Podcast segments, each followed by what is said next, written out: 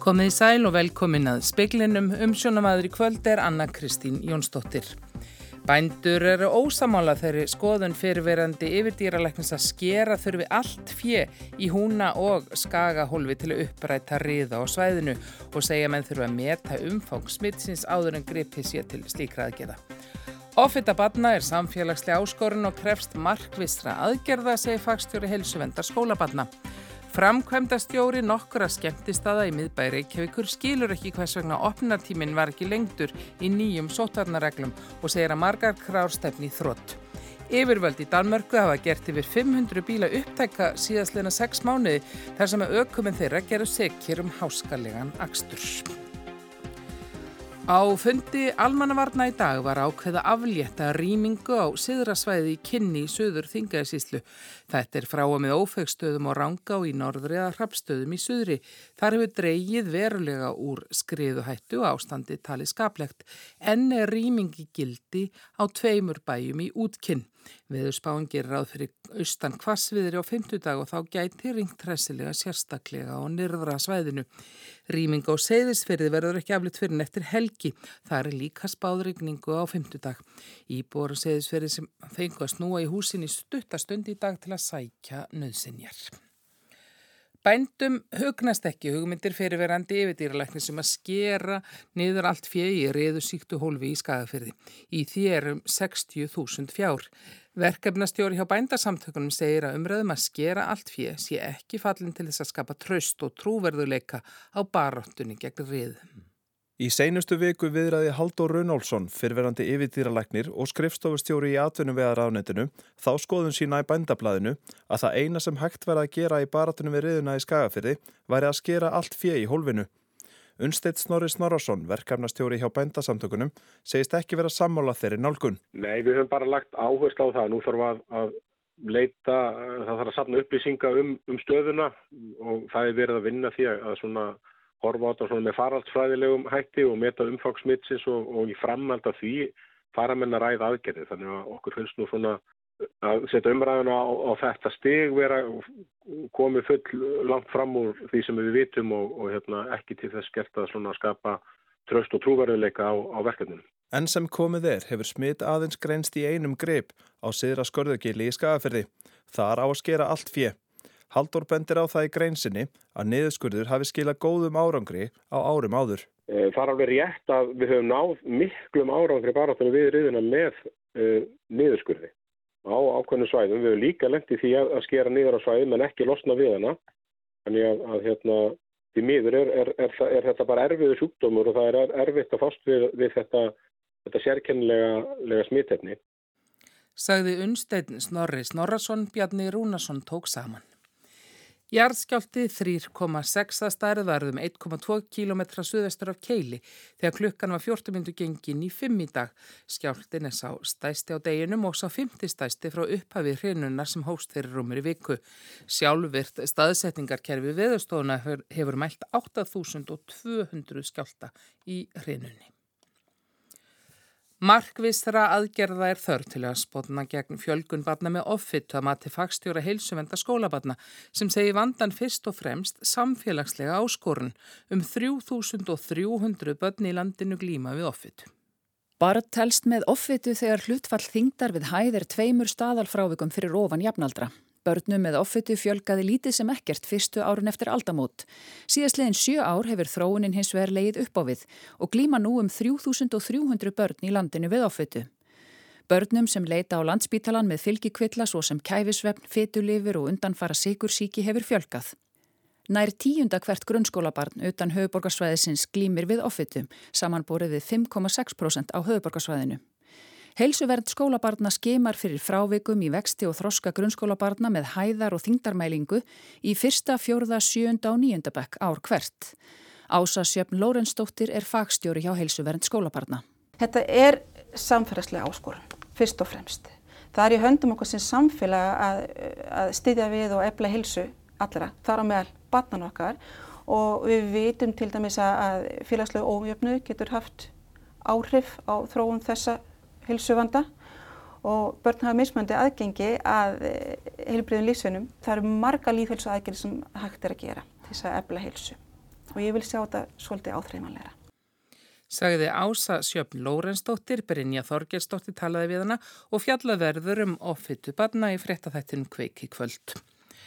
Fræðslustjóri Akurerbæjar segir að rakningarteimi gangi lengra á Akureyri en reglur um sótkví segja tilum. Um 80 er nú í einangrun og tæplega þúsund manns í sótkví í bænum að stæstum hluta börn á grunnskólaldri. Í lok ágúst endurskoðaði sóttvarnanlæknir leiðbynningar um sóttkví á öllum skólastegum. Þar var viðmiðið um sóttkví breytt og þau höfð eftir því hvort samveraði smitaða einstaklinga hafi verið mikil eða ekki. Hafi samskipti ekki verið mikil er ekki gerð krafa um sóttkví heldur smitgátt og getur viðkomandi þá mætti í skólan.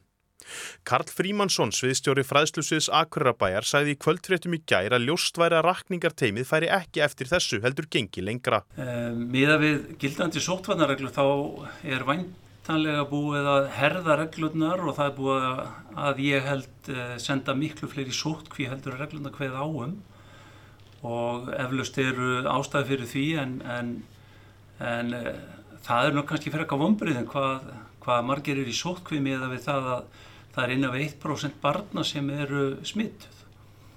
Af hverju heldur það sé? Já, ég held að þetta sé bara fenginir einslu þannig að það er verið að reyna að ná utanum þetta fyrst og fremst en ég held við séum nú bara komin að því að lifa með þessum sjúkdómi og, og við þurfum bara að umgangast hann með þeim hætti. Þá vil ég hins vegar undirstryka við verum að sinna sóttvörnum áfram og annars líkt en, en eh, sjálfum finnst mér þetta svona djúft í árinni tekið. Hjördís Guðmundsdóttir, samskiptastjóri Almannavarna, segir í samtalið fréttastofuð að reglum um sóttkví hafi ekki verið breytt. Hvert og eitt tilfelli sé metið og í tilfelli hópsíkingarinnar á Akureyri hafi útbreyðslan verið orðin það mikil að ákveð hafi verið að stíga fast til jarðar. Óðinsvann Óðinsson tók saman. Framkvæmdastjóri nokkura skemmtistæði miðbæ Reykjavíkur segir hræðilegt að opninartímin hafi ekki verið lengtur í nýjum sótvarnarreglum. Heilbriðsáþra ákvæði dag að framlengja núgildandi sóttvarna aðgerður um halvan mánuð. Veiting á skemmtistöðum verður því áfram lokað á meinetti og allir gestir þurfu vera kominir út klukkan eitt. Arnar Þór Gíslason, framkvæmdastjóru einn eigenda fimm kráa í miðbæ Reykjavíkur, gaggríni það harlega. Þetta er bara hræðilegt og hefur bara gríðilega áhrif á okkar rekstur og líka okkar starfsmenn bara. Þannig að þetta er bara mjög daburt að við hefum ekki fengið þetta minnstakosti einn auka klukkutíma til að svona þykja okkur áfram. Það sem ég get ekki séð að hafi orðið einhver mörg smiti á einhverju skemmtistöðu núna síðasta mánuð. Hann segir að mikið hafi verið um veistlöða undanförnum þar sem gestir hafi skemmt sér lengur en til minnatis. Og þú veist, og svo ser maður hérna í löndunum í kringu sig sem Þórólur vil stundum bera sér við og, en svo þegar honum hendar að, að gera það ekki, þá gera það ekki. Heldur að barið séu margir hverjir komnir að þólmörkum núna? Já, það er allir búin að þennja sig, bæði taka auka lán og, og dæla inn í að vilja aukið hlutafjöð og svolis. Og þetta er, leigan er, þú veist, það er enginn að fá afslátt að leigun einstaks. Við erum að reyna að standa, okkur gríðarlega vel með sóttvarnir og fylgja þrótnum tíma og svolis. Það bara skilur þetta enginn. Ég held að Þóraldur ætti nú bara hérna, að bóka sér eitthvað gík með bandinu sín og prófa að spila bara nýri bæ og sjá allir að hafa sér vel. Sagði Arnar Þór Gíslason við Yngvar Þór Björnsson. Síðastliðið hálft ár hafa 510 bílar verið gerður upptækir og seldir í Danmarku eftir að aukumenni gerur sekjur um háskarlegan akstur. Sölu andverðið rennur í ríkisjóð. Ökunýðingum í Danmörku var sagt stríð á hendur í mars síðastlinum þegar þing landsins herti viðurlög við glæfra ekstri. Láraglunni var meðal annars heimilað að leggja hald á ökutækin hvort sem það voru bílar eða motorhjól. Það hefur verið gert ef faratækin hafi verið mælt á meira en tvöföldum hámarkshraða, ef ökumenn hafa sínt að háskalegt skeitingarleysi við aksturinn eða ef áfengi í blóði þeirra mæltist yfir 2 promil. Það er síðan dómar að ákveða hvort farartækin verði gerð upptæk. Frá því í mars hafa sem sagt að meðaltali þrýr bílar eða mótorhjól verði gerð upptæk á hverjum degi í landinu að sögn Kristján Spertelsens, talsmanns umferðardeldar ríkislaureglustjóra. Þetta segir en að sé allt og mikið en á hinbógin fagnan því að aukufantarnir séu ekki lengur í umferðinni. Undir þetta tekur Nick upp dómsmálar á þeirra sem segir að því miður finnist fólk sem sé svo miklir sullukollar að nöðsynlegt sé að svifta það aukutækjónum. Í þriðjungi tilfella voru eigendur bílana sem voru staðvæðir ekki undir stýri. Það breytir því ekki að eigendurnir eiga á hættu að missa þá ef dómarar meta það nöðsynlegt.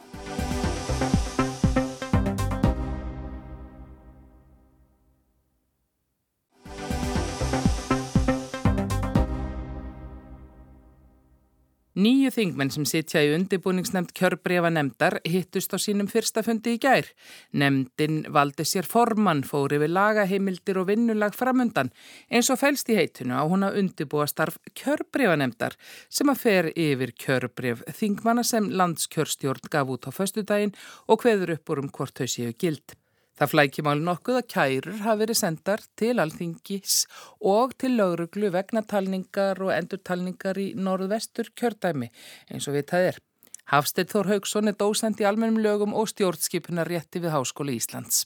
Ég tek eftir því að í nefndinni sitja engir, engir jöfnuna þingmenn og engir úr norðvestur kjördæmi þannig að það er verið að skapa svona smá fjarlæð og það var þar og má kannski ganga út frá því að þetta sama fólk muni síðan sitja í kjörbrefanefndinni sjálfur þessi nefnd, hún í rauninni er þá að rannsaka málið hvort að þingmenn séu löglega kjörnir til þess að upplýsa það þá skoður hún gagg frá landskjörstjórn frá yfir kjörstjórn eða sérstuðu þetta yfir kærurnar sem þeim hafa borist, tekur þær alvarlega og, og ígrundar þær og skoðar skoðar lög og hugsanlega dóma og svo framvegis.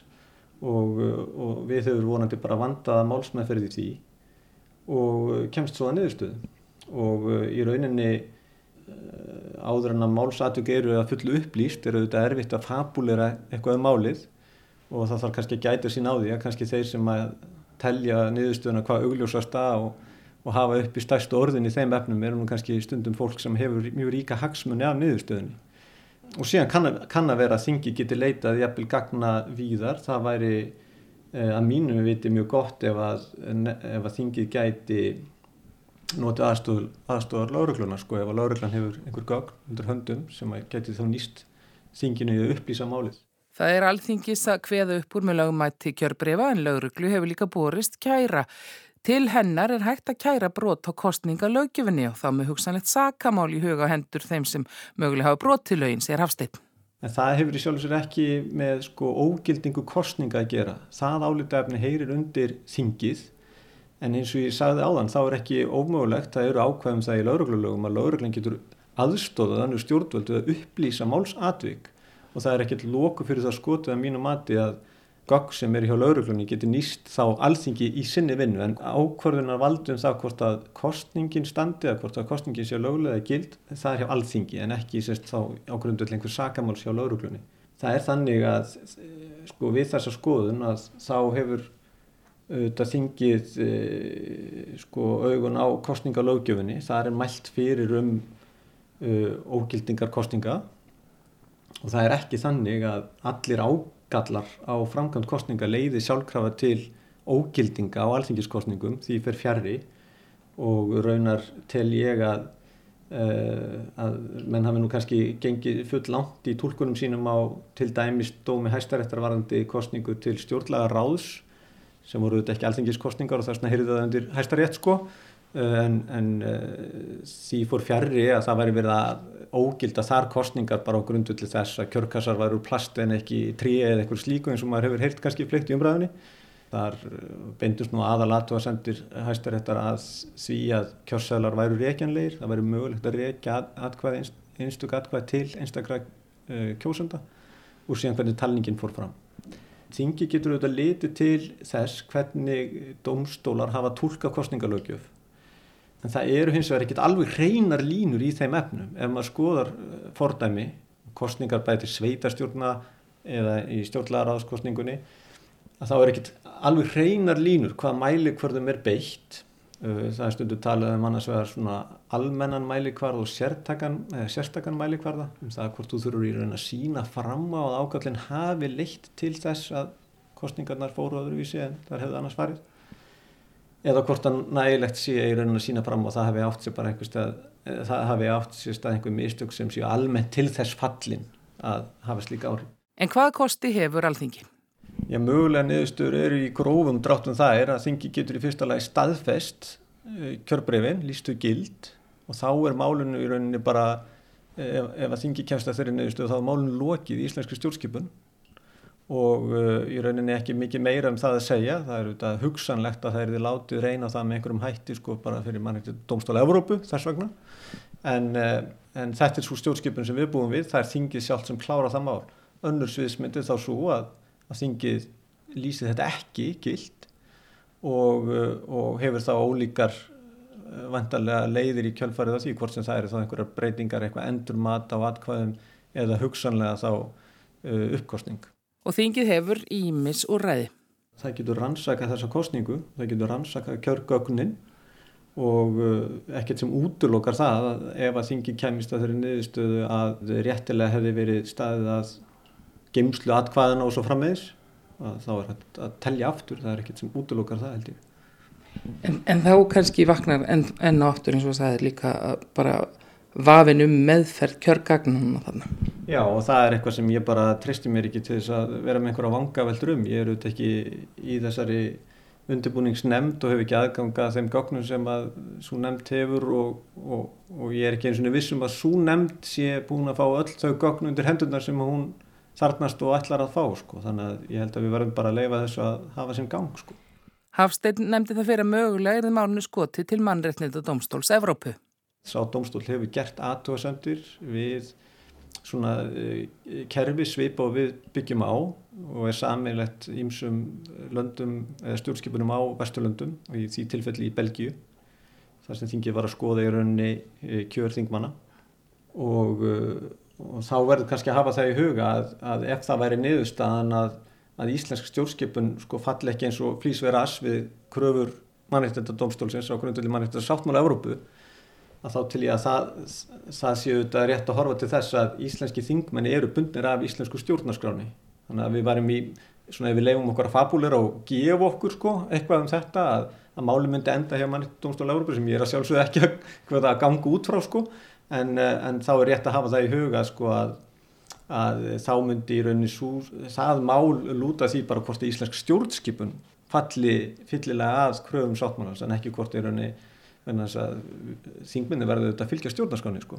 Vangaveltur um að skjóta ófenginni niðurstöðum úrslitt standi og samþygt kjörbrefa til domstólsins í Strasborg falla undir ef og þá og kannski en ef svo færi hvað um lög sem slíkt þingst á samþykti? Við erum kannski komin svolítið fram úr okkur hér og, og auðvitað geta lagfræðingar leikið sér að því að, að teikna upp einhverja ólíkar sviðsmyndir og svona heimfært undir lagákvæði. Ég veit ekki hversu hjálplegt það er sko en ég treysti mig þó til þess að segja að, svona megin línan hefur þá verið svo að þau lög sem að þingi hefði sett í þessu tilfelli myndu standa áfram og ég minnist þess nú í kapla hérna Ólafs Jóhannessonar um, um ney, stjórnskipulega neyðarétt þá er fjallaðum það þegar að þingið frestaði kostningum til alþingis í síðari heimsturöldinni og það var uppi deilur um það hvort því hefði verið það heimilt sko á grundulega stjórnskipulegs neðaréttar þá leisti hann úr því máli á þeim grundulega að segja að hæstiréttu dæmdi síðan í kjölfarið eftir þeim lögum sem það þing setti og þar með var það mála afgreitt. Ef að þingið sko ógildir kostninguna þá má hugsa sér ólíkar sviðsmyndir líka eftir því hvort að þingið uh, tilur rétt að grípa til einhverja aðgerða, gefa út kjörbreyfin á einhverja aðra einstaklinga heldur að voru lístur rétt kjörnir af landskjör, eh, eða samkvæmt kjörbreyfunum eh, eða hvort að færið er því svo kallega uppkostningu sem eru þá í rauninni endutekning á kostningunum það er í rauninni sama kostning, sama sagt, sömu frambóð, sömu kjósendur. Þa, það setjum mér oft í samhengi við það að, að svo kostning myndi litast svo af öðru úrslitum í öðrum kjördæmum og eru þess vegna mjög já, sérkennileg þó ekki maður er meira sagt og jafnvel á þessu. Já. Það er þannig að Íslensk stjórnskipun og kostningalögin gerir ráð fyrir einmitt þessu að ef ágallarnir eru svo alvarlegir að rétt er að ógilda kostninguna og fara í uppkostningu að þá er þetta einfallega úrræðis og það er alveg rétt sem þú segir að það gefur auga leið að svo kostning fer fram á grundvöldi annar upplýsinga heldur en kannski eðlilegt má telja að kostningar farið fram í kjördæmi en þetta er einhvað síður veruleikin. Það þarf að fá niðurstuði þetta málins fljótt á yfir, Hafstedt fagnar því að menn segist ætla að vanda sig samt og ekki rapað niðurstuðu. Þó að þetta sé nýstaða hvað varðar alþingiskostningar, það er að álita efni er ekki um einstök vafa hvað heldur framkvæmt kostningarna og talningarnar, þá hefur reynd á ímislegt fyrr í sveitastundakostningum til dæmis. Þannig við erum ekkert ja, algjörlega úr kortlöðu svæði sko sagði Hafstedt Þór Haugsson.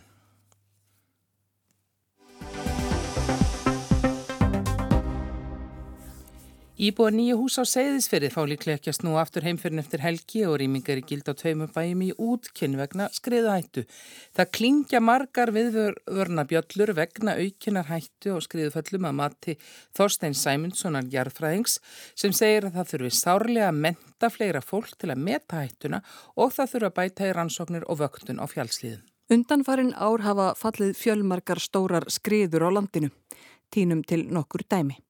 Vorið 2013 fjallu stórar skriður við bæin Istafell í Köldukinn fóru við vegin og ruttiniður skói. Sumarið eftir varð mikið berglaupi í Öskju.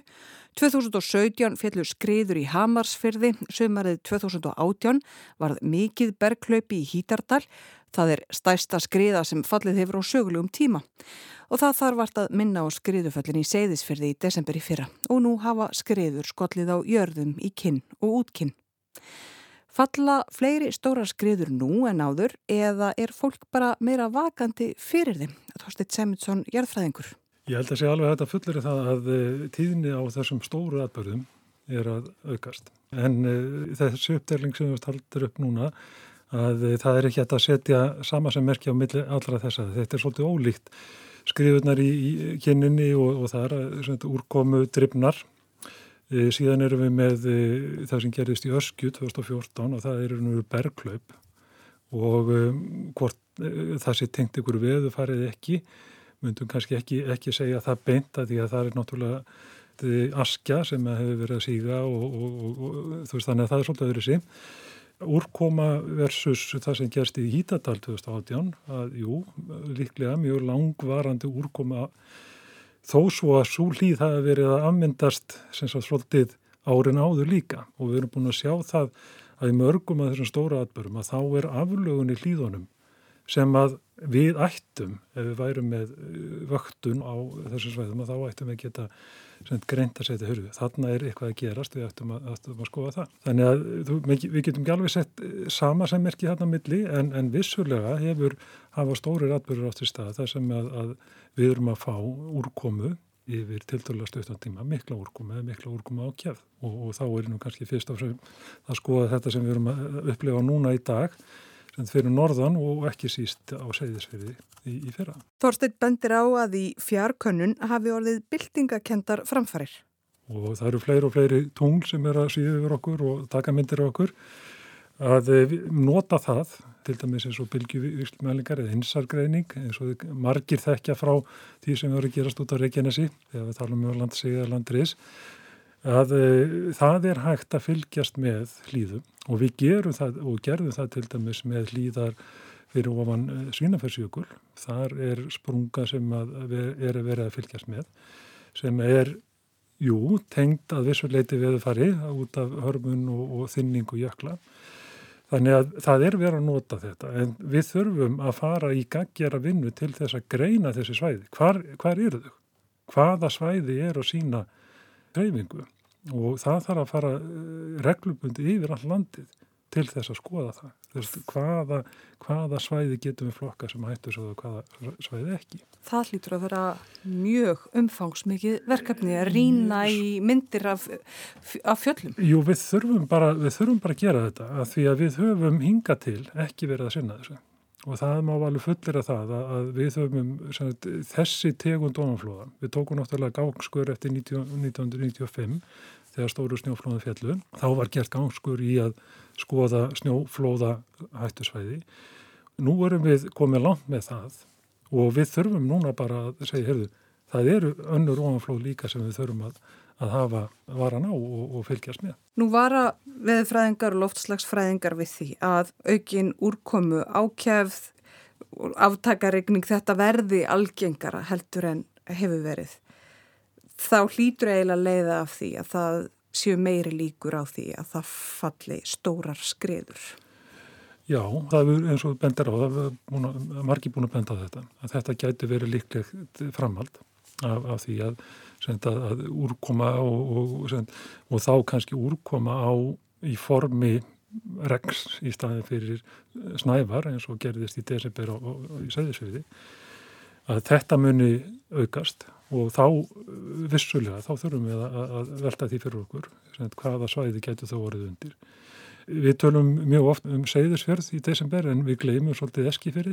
Þar var líka hættu ástand. Þannig að það eru fleiri staðir sem við þurfum að skoða og ekki bara þéttbílistæðir. Þetta er líka staðir fyrir ofan, ofan bæi, bondabæi og, og, og sömumbústaðabýður og annað slíkt. Við þurfum að skoða líka. Snjóflóða hætta skapast við ákveðnar aðstæður til að mynda eftir ákafa snjókomu, regningu, snögga hlínun og eðlimálsi samkvæmt skapast hún á vetrum.